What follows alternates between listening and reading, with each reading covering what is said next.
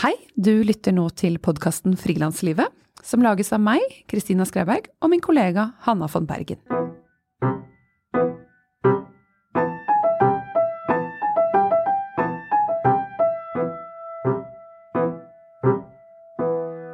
I dag har vi besøk av fotograf Ifit Kreshi.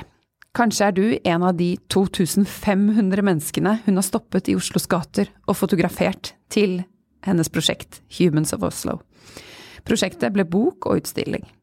Flere av hennes andre prosjekter har også resultert i utstilling, som eksempel Aktivistene, som skal stilles ut på Utøya til sommeren. I 2016 mottok Iffi eh, Oslo bys kunstnerpris. Hei, Ifit! Veldig hyggelig å ha deg her. Takk for at eh, jeg ble invitert. Du, da jeg ringte deg i går, så fortalte du meg at du beskriver deg selv som en samvittighetsfotograf. Kan ikke du forklare litt hva det ligger i det? Mm. Jeg vil si at det handler mer om at de, det jeg tar bilder av, eller når jeg lager en utstilling, det skal handle om å vekke folks um, bevissthet rundt bestemte temaer. Um, veldig mange av de temaene som jeg tar opp, handler ikke om meg som person, men det handler om samfunnsproblematikk, eksempel. Det kan handle om Aktivistene-prosjektet. Det handler om eh, hvilke folk som har jobbet for å skape et mer rettferdig samfunn. Og det syns jeg var veldig viktig, og spesielt med, med den utviklingen i USA og i, og i Europa med høyreekstremisme på fremmarsj. Og eh, så stadig vekk, de temaene som jeg har tatt opp, har handlet om rett og slett rettferdighet, eh, likeverd, eh, demokrati, kvinnerettigheter at vi skal åpne øynene våre for det som vi kanskje ikke er vant til å se, eller ikke er vant til å sette pris på, på en måte. Og um, du er jo eh, aktuell med utstillingen Aktivistene, som har blitt utstilt på Interkulturelt museum før, og nylig på Lørenskog, og til sommeren på Utøya. Eh, men du er vel egentlig en aktivist selv? Er det ikke det? Måten ja, du jobber på? Ja, det er jeg. jeg mener, min aktivisme begynte allerede da jeg var ca. tre-fire år gammel, uten å vite det. Da var det pappa som tok meg med på demonstrasjoner, og eh, han var veldig aktiv òg. Eh, så jeg lærte veldig mye fra ham. Eh, men, men, det å ha opplevd selv mye rasisme og diskriminering på kroppen fra barndommen helt fram til, til i dag, har påvirket min rettferdighetssans, kan du si at jeg har vært veldig opptatt av at folk skal At alle skal ha de samme rettighetene. Når jeg ser en urett skje, jeg kan ikke bare sette meg tilbake og bare bli vitne til det. Jeg må involvere meg, og det kan være til og med når jeg er ute på gata, eksempel, at, at det skjer noe. Da har jeg tendens til å stå opp og si fra før noen andre. Um, men, men, også så kommer jeg fra Glasgow, ikke sant, hvor hvor du blir opplært. Det er en del av, av din oppvekst i Glasgow, å være tøffere og heve stemmen din. Du, du, kan ikke liksom bare ta ting for gitt og forvente at noen andre skal, skal, eh, skal ta ansvar. Alle har et ansvar selv. Er det på en litt annen måte enn her, eller? Veldig. Her i Norge, i hvert fall i Oslo, så opplever jeg at, eh, at folk tar tid før noen reagerer. At de vil vente på noen andre til å gjøre noe, eller de vil liksom ringe isteden, forvente at politiet skal komme eller blande seg. Men noe så enkelt som å reise seg for en eldre person som skal sette seg på bussen, og ingen reiser seg, det forstår ikke jeg. Jeg tror den er en veldig enkel eksemplar av den mentaliteten som jeg syns folk kan være litt slapp, på en måte. At, eh, men det betyr ikke at det ikke finnes folk der ute som ikke gjør det, men jeg syns at folk er litt mer treige med å reagere. Jeg husker de, jeg, de, to gangene jeg har gått gravid. Det å ta bussen til jobb om morgenen, eller til kontoret, hvor den var sånn trangt og ingen tilbød meg en sitteplass. Altså, jeg begynte å gå heller i en halvtime, for jeg syntes det var så ubehagelig å eh, ja, måtte enten stå sånn tett sammen eller se at ingen, ingen byr plassen sin, da. Ja. ja. Mm. Men du, din bakgrunn er at eh, du har eh, pakistanske foreldre og oppvokst i Glasgow? Ja, jeg er født og oppvokst i Glasgow. Ja. Eh, og foreldrene mine flyttet til Skottland i, tidlig på 60-tallet. Um, og jeg tror på mange måter også å, å, vokse opp i, som veldig mange sier, som jeg syns er veldig klisjéaktig, i to kulturer. Når du er et barn, så legger du ikke merke til at dette her er to forskjellige kulturer. Dette her er din hverdag. Det er ikke noe du som i hvert fall for meg, i hvert fall det var ikke i konflikt. Konflikten kom så snart jeg begynte på skolen, og elevene og lærerne opplevde meg som annerledes på grunn av min hudfarge. Ikke fordi jeg ikke kunne engelsk, det kunne jeg, men fordi min hudfarge sa at jeg var annerledes enn alle de andre hvite i klassen.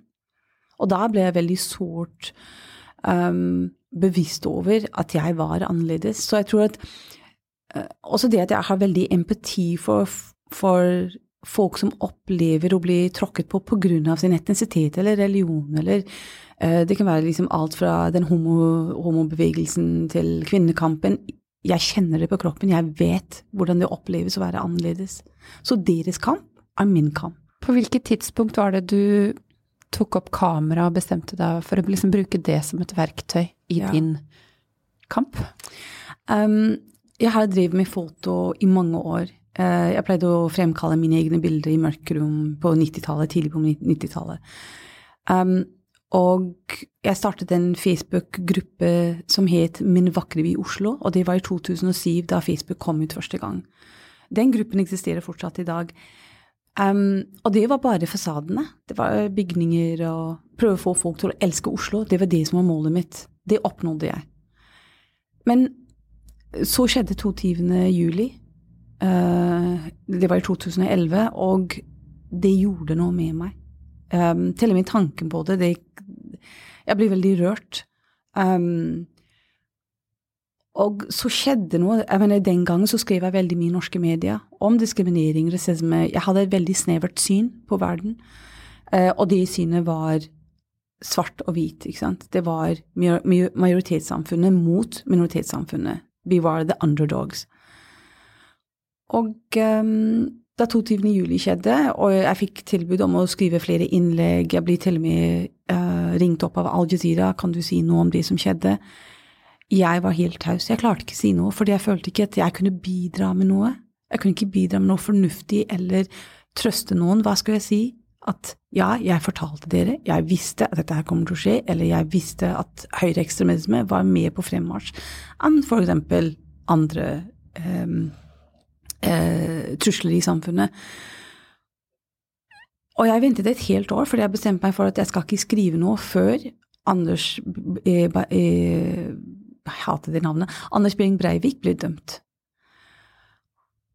Um, så i juli 2012, etter han ble dømt, så var det en venninne som viste meg Humans of New York, og that was it. Jeg visste dette her er det jeg har prøvd å vise folk i alle år, men jeg har gjort det på en feil måte.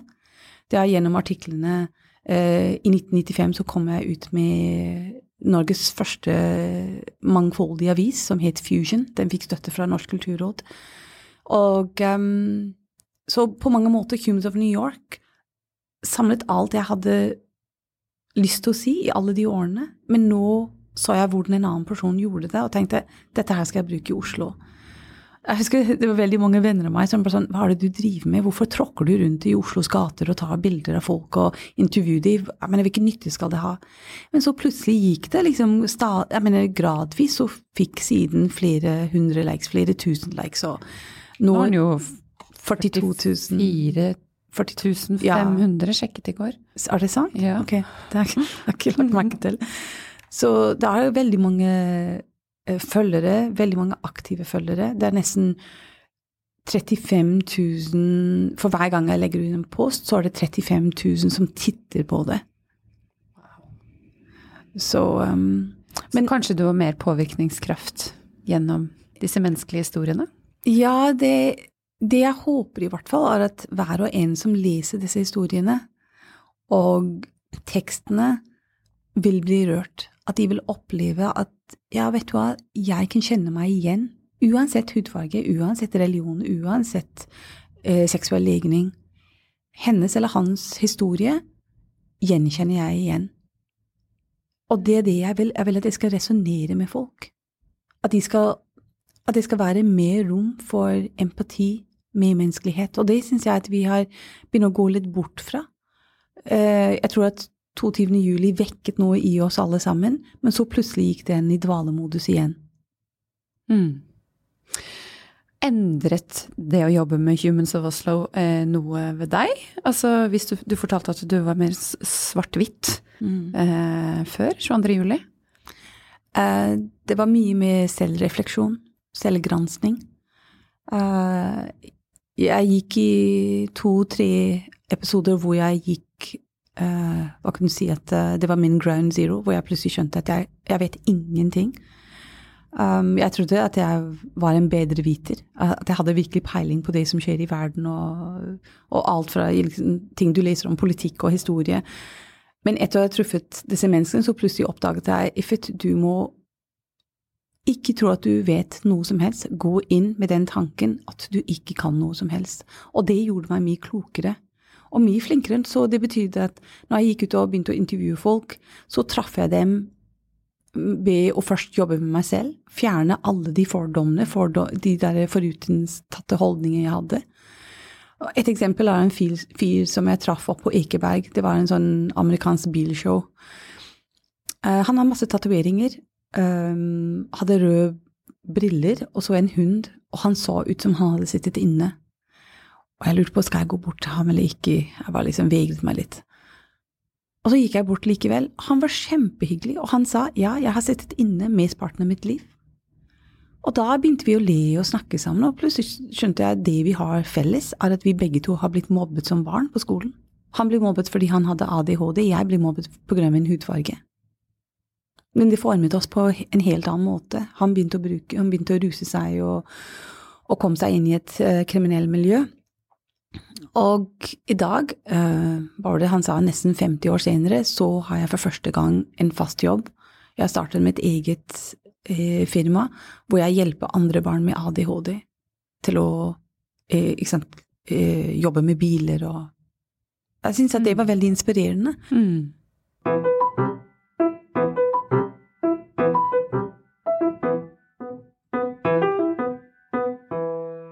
Altså, Eh, du har jo da trålet Oslos gater eh, og møtt da ja, 2500 mennesker.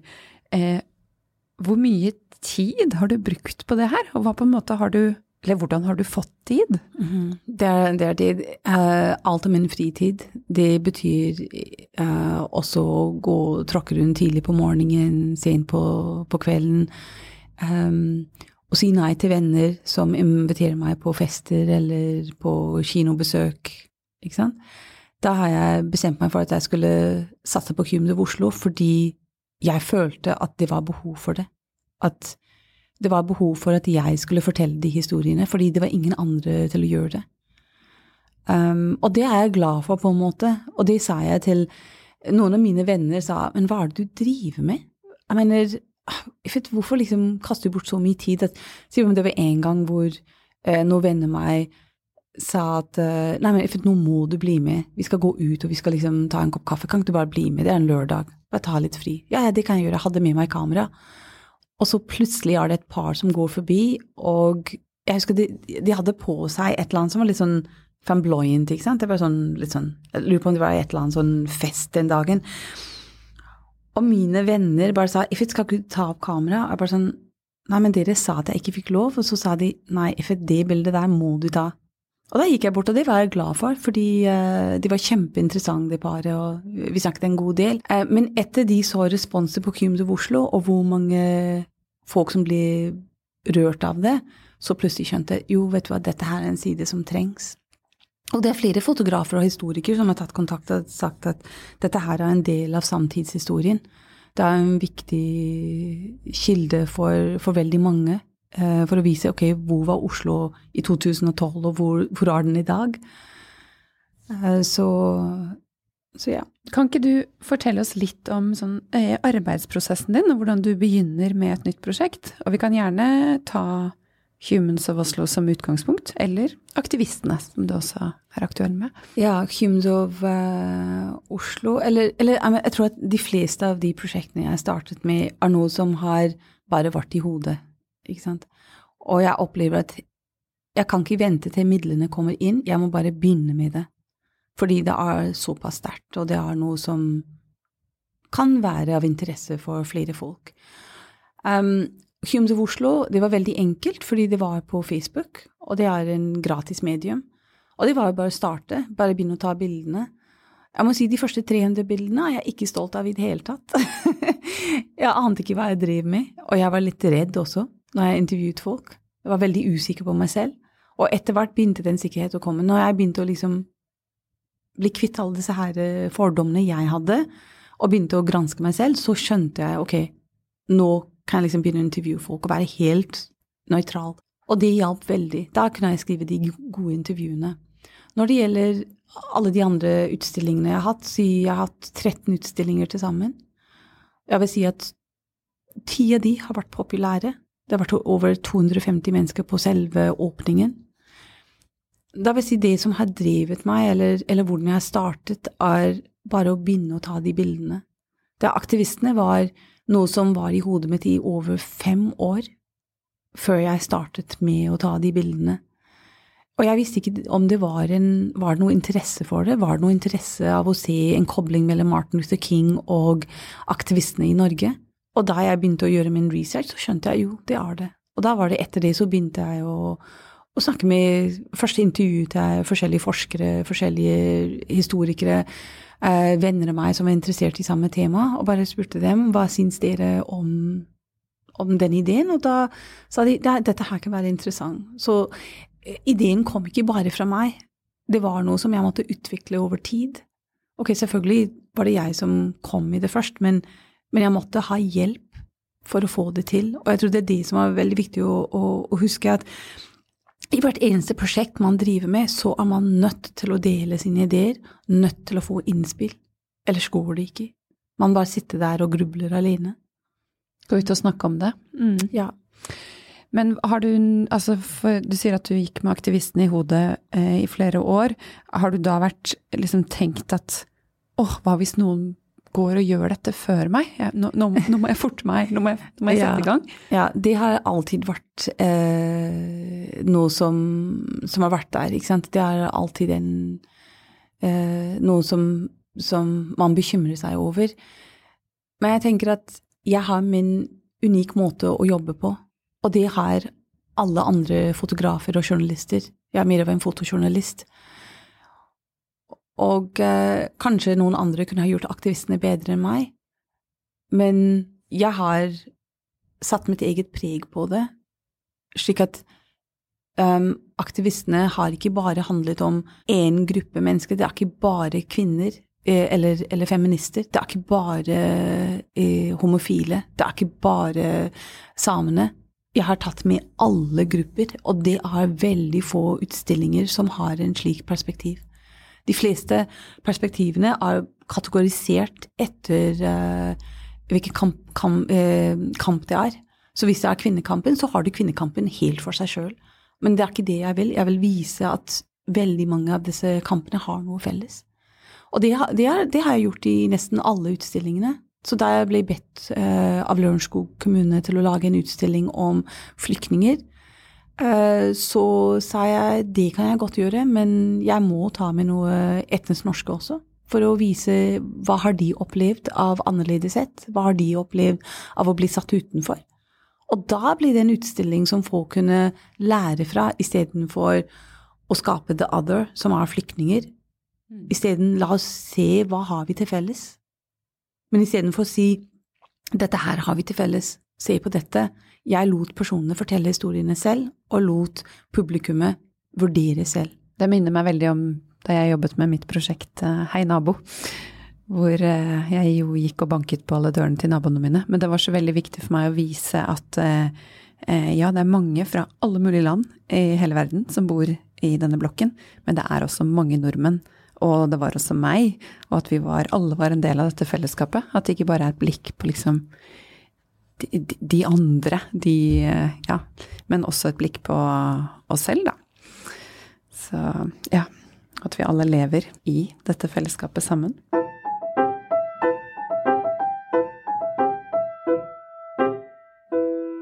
Å bygge et publikum lurer jeg litt på, fordi jeg ble jo eh, veldig imponert over alle disse følgerne du har på Humans of Oslo på Facebook. Eh, er det noe du har eh, gjort aktivt, eller har det bare tikket følgere inn? Det bare, jeg tror at det er en blanding, fordi innimellom så kunne jeg Hvis jeg har en veldig bra sak Akkurat nå så har jeg lagt ut min egen personlige historie om å ha behov for en uh, blodoverføring. Det var i fjor. Da trengte jeg to jeg. poser. Ja. Det var en ganske sterk opplevelse. Uh, for meg så holdt jeg på å dø. Og jeg syns det var veldig viktig å dele den historien, slik at andre kunne se ok, hvor viktig det er å gi blod, rett og slett. Og den har jeg lagt inn som boost. Så den er en Det er noe som jeg har betalt for, slik at den blir vist flere ganger i løpet av de neste to dagene. Og det syns jeg er verdt å, å støtte. Uh, som, som, det har stått i, i media, så går Oslo tom for blod. Og derfor følte jeg et enormt ansvar. Hvis jeg har de 45 000 følgere, så er det viktig at jeg kan bruke min plattform for å prøve å påvirke det som skjer akkurat nå. Som kan ha alvorlige konsekvenser for andre som trenger blod. Så, så de, de, gangene hvor jeg har brukt Boost på Facebook, har vært veldig bevisst. Um, jeg har knapt brukt det for å promotere meg selv. Hovedsakelig er det selve de sakene som har vært viktig å promotere. Mm. Kan du kanskje beskrive litt av arbeidsmengden og hva man eh, må ofre i gåseøynene for å få prosjektene sine liksom ut, og få vist dem og få gjennomført dem? Aktivistene, så endte jeg på sykehuset tre ganger i løpet av den perioden, fordi jeg jobber såpass mye. Det, er, eh, det var ganske alvorlig. Eh, til slutt, Interkulturell museum hadde stengt dørene sine for meg. Jeg sa du får ikke lov til å komme inn. Fordi nå har vi alt under kontroll. Eh, så til og med når jeg banker på døra Nei, for du skal hjem, sa de. Så det er veldig få som vet hva det, hva det kostet. Ja, det koster enormt mye for frilansere, og spesielt kunstnere, slik jeg jobber. Hvis jeg hadde jobbet mer sånn kommersielt, så ville ikke det vært noe problem. Ta bilder på brylluper, ta bilder av små barn, ta, ikke sant? Sånne ting kan man leve av. Men fordi jeg har en nisje, så og den er innenfor kunst, så forventer folk at man skal jobbe frivillig. Og det er fryktelig trist, fordi hvis vi har en stemme som folk eh, sier at de trenger, de syns at dette er viktig Ok, jeg vant Oslo Bys kunstnerpris. Det er et tegn i seg selv at dette her har vært et viktig prosjekt, Humans of Oslo, eller de prosjektene jeg har drevet med. Så hvorfor blir ikke den verdsatt? Og ikke bare for meg, men det er flere hundre andre kunstnere i denne byen som lever på mindre enn det som du får fra sosialen. Så du tjener ikke så veldig mye penger? Nei, du, du gjør ikke det med mindre du For eksempel, jeg fikk eh, to oppdrag fra Statens vegvesen eh, til deres kampanje, bilbeltekampanje. Det var kjempebra, fordi det hjalp meg enormt. Så innimellom så får jeg slike oppdrag, men det er ikke noe jeg jager, et, jager på. Det er folk som har anbefalt meg, og da kommer det tilbake til meg. Og jeg tror det, det, er det som, i motsetning til kanskje en del andre, jeg er ikke flink til å promotere meg selv. Jeg blir invitert inn til å gjøre ting. Um, og jeg tror det, det, sier mye mer, på en måte. Jeg kanskje burde jobbe mer med å promotere meg selv. Og, uh, så da jeg, Du er jo veldig synlig med alle kunstprosjektene. Ja, det er jeg. Men du går altså, uh, hvis jeg forstår deg rett, ikke aktivt ut for å få uh, godt betalte oppdrag? Eller? I, vet du hva, jeg har ikke noe mot å få godt betalt. Nei. det unner jeg deg. ikke sant? Uh, men er det sånn at du prøver å liksom høsle for å få det? Uh, nei, jeg gjør ikke det. Jeg syns at det er veldig stressende å prøve å, å, konkurrere med andre.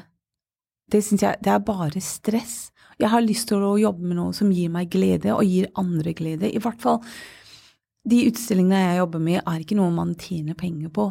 Med mindre noen har lyst til å kjøpe opp hele utstillingen.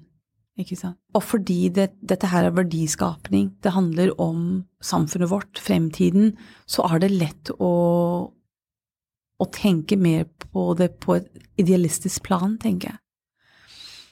Um, men, uh, men, jeg tror at, at Jeg mener Til eksempel nå fikk jeg tilbud fra, fra et firma til å holde et fotokurs for dem.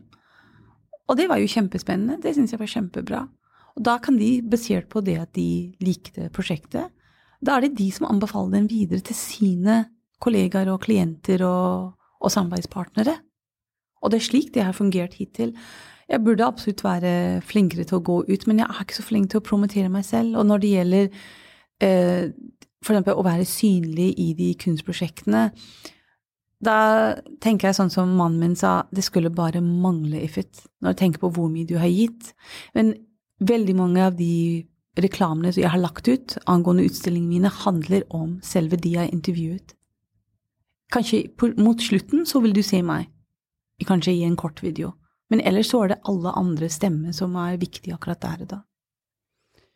Så de oppdragene du, eller bare for å forstå arbeidshverdagen din, er det da en kombinasjon av egne kunstprosjekter, og eh, at du kanskje får oppdrag som å holde en fotoworkshop eller et kurs, Nettopp. eller ja, gjøre en kampanje for noen, i forlengelse av at du har laget disse kunstprosjektene? Ja, absolutt. absolutt. Det er slik det, det fungerer. Det er, eh, jeg tror det er også noe med at når man kommer opp i, i, alder og erfaring, så kan man være litt mer sær på hva man er villig til å ta på seg. Uh, jeg husker jeg fikk tilbud om å lage eller ta bilder. Uh, det var matbilder, og da virkelig trengte jeg penger. Men heldigvis så klarte jeg å gjøre noe positivt ut av det. Um, fordi det var Det handlet om sustainability. Og dette her med klimaendringer og, og måten vi, vi, bruker mat på, det er veldig viktig. Det står meg veldig nært. Så derfor ble det noe positivt ut av det. Men, uh, men, selvfølgelig har jeg lyst til å jobbe mer med mine egne prosjekter. Men det er, noe, det er også noe annet, at, og det er min feil også, og det er at jeg ikke vet mer, eller ikke vet nok om hvordan jeg skal søke midler. Og jeg tror det er veldig mange kunstnere jeg snakker med, som opplever akkurat samme problem. For hvordan er prosjektene dine hovedsakelig finansiert? Eh, jeg får eh, det gjennom stiftelser, hovedsakelig, og mine egne midler. Så du eh, bruker ikke masse tid på å sitte og søke støtte hos Kulturrådet eller Fritt Ord, eller, jeg, eller gjør du det? Ja, jeg har, søkt, jeg har søkt midler fra, fri, eh, fra, Kulturrådet fire ganger.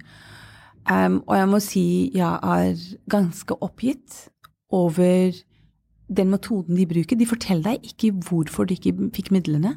Du bare får blank nei. Um, eller at det ikke passer inn. Uh, det er jeg syns at det er fryktelig trist. De burde egentlig gjøre det mye enklere for folk å søke midler, når du vet at de har flere millioner kroner i støtte liggende der. Da burde det i hvert fall være noe støtte man kan få, noen å snakke med om hva er måten å gå fram på. Men Ifit, har du prøvd eh, støtteordningen for kulturvern? Nei, du, vet du hva, det må jeg skrive det ned. Det må du notere deg. Eh, og alle andre som jobber med lignende prosjekter. Fordi du dokumenterer jo samtiden vår og byen vi lever i, og landet vårt. Eh, og det er jo en del av det å verne om kulturen vår. Og jeg fikk etter mange samtaler med Kulturrådet, eh, hvor jeg prøvde å navigere meg frem et, eh, ja, og finne ut hvilken støtteordning som passet for mitt Hei naboprosjekt, og til slutt så landet det på kulturvern, hvor jeg fikk eh, tilskudd. Så prøv det neste gang. Mm. Det skal jeg absolutt gjøre. Takk for det. Det var en veldig bra tips. Det er kulturvern. Det skal jeg legge ut på Facebook nå. Ja, altså det, men eh, det erfarte jeg at um, man, eller jeg måtte legge inn ganske mye tid i å navigere meg frem. For det er så utrolig mange forskjellige støtteordninger, og man kan ja, lett skrive til feil støtteordning, og så får du ikke noe. Men kanskje man ikke skrev til riktig og gikk, ja. Gikk glipp av det. Jeg har vært heldig sånn sett. Fritt Ord har støttet uh, noen av mine prosjekter. Bergensstiftelse også. Og det har vært veldig bra. Det er en uh, og, og, spesielt det at jeg har en uh, At jeg leverer. Det er det som veldig mange stiftelser er opptatt av. At du har du kan liksom, vise til at det? At du kan vise til det. Og det vet Fritt Ord. Det har jeg gjort gang på gang. At jeg har levert det jeg har, har sagt at jeg skal gjøre. Og ikke minst så, du er jo sånn som bare setter i gang, så du har sannsynligvis en del å vise til når du først ja. får satt deg ned og skrevet den søknaden. Ja, absolutt. Det har jeg. Og det For jeg opplever det å mhm. skrive Nå har jeg bare gjennomført ett prosjekt, en bok og en utstilling. Et, eh, det var et mangeårig prosjekt, men opplevde det som en stor del av det å fullføre jobben og bruke ukevis på å skrive Eller ja, det gikk over flere måneder å skrive disse prosjektbeskrivelsene og søknadene. Mm. Utmattende, Men Veldig. forhåpentligvis så blir det gevinst. Ja, Ja. ikke sant. Og jeg tror det er det som kunstnere ikke er så flinke til. Eh, fordi vi er veldig flinke på det visuelle og kanskje disse korte tekstene. Men når det gjelder disse omfattende prosje eh, disse prosjektbeskrivelsene, det kan være ganske tungt.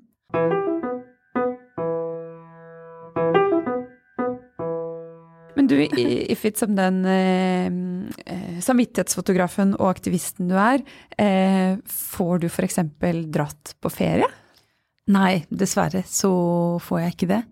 Eh, Jeg har ikke hatt ferie siden 2000 og La meg si 2000 Ja, vet du hva, jeg har hatt én ferie, og det var da jeg dro til Hellas i 2015. Men det var den første gangen på syv år.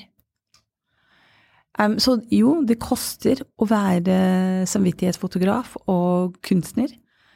Man er uh, nødt til å telle pengene sine, ikke sant. Man sparer penger til kaffe og, og eh, man har ikke råd. Nå, ha, nå måtte jeg selge bilen min, ikke sant, så jeg har ikke råd til å ha bil heller. Um, og jeg tror jeg gjør det som, som gir mening, ikke bare for meg, men for mange andre mennesker også, og det er det som driver meg.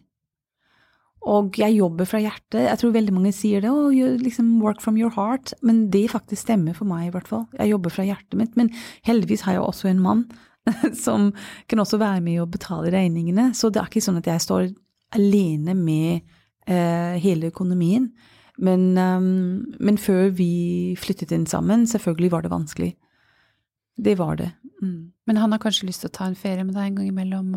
Ja, vet du har kanskje behov for å hvi, hvile litt, eller få litt Ja. inspirasjon og Ja, det, Ja, det, Men er det en liksom far-fetched dream?